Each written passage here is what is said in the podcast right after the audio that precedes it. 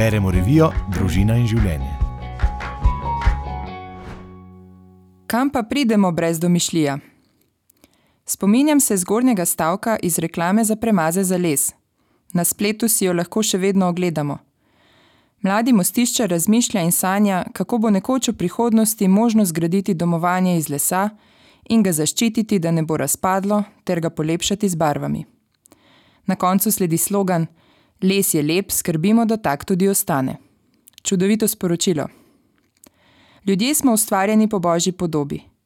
Ena od prvih lastnosti Boga, ki se nam razkrije v svetem pismu, je prav ustvarjalnost. Bog stvarnik ustvarja svet in na koncu ustvari človeka, ki mu je podoben, najprej prav v njegovi ustvarjalnosti.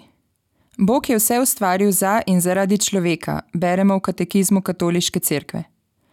Da lahko človek, ustvarjen z božjim dihom in navdihom, v božjem imenu in na božji čudovit način, skrbi za vse ustvarjeno in tudi sam ustvarja naprej, ter s tem slavi stvarnika. Zato je ustvarjalnost božja lastnost. Za njo pa potrebujem domišljijo. Domišljijo razvijam z razmišljanjem, z učenjem, z idejami, ki so iskrice božjega navdiha, ki jih, ko zberem pogum, nekomu zaupam in na to preizkusim v praksi. Te ideje in besede tako postanejo nekaj otipljivega, postanejo meso. Zato ni čudno, da je ustvarjalnost, odkar je človek podvomil v božjo dobroto, na resni preizkušnji. Hudobni duh namreč ne želi, da ljudje izpolnjujemo svoje poslanstvo.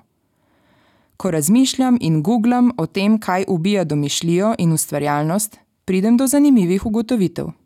Pomankanje samozavesti in zaupanja, nelagodje ob negotovosti, primerjanje z drugimi, strah pred neuspehom in samokritičnost.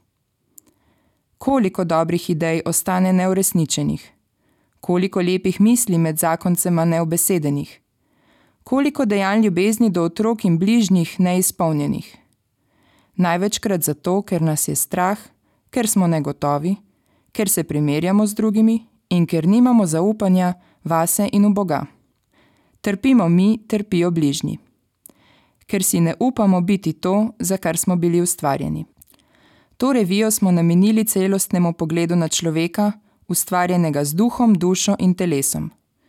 Prvine, ki so med seboj tesno prepletene in zaradi katerih ne more nič ostati samo na površini, samo pri dobrih mislih, pobožnih željah ali lepih besedah.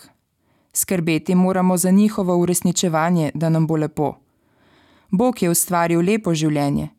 Če bi Bog posnel reklamo, bi morda na koncu dejal: Življenje je lepo, skrbimo, da takšno tudi ostane. Ustvaril nas je za ustvarjanje naprej, za ustvarjanje Božjega kraljestva miru in ljubezni, ustvarjanje dobrih odnosov med možem in ženo, ustvarjanje otrok in ustvarjanje čudovitega in lepega iz dobrih idej. Tudi če se komu naše ideje, način razmišljanja, naše vrednote in cilji zdijo preveč nedosegljivi ideali, domišljijske fantazije. Upajmo si razmišljati in upajmo si ustvarjati. Saj, kam pa pridemo brez domišljija? Članek sem napisala in prebrala Meta Halas.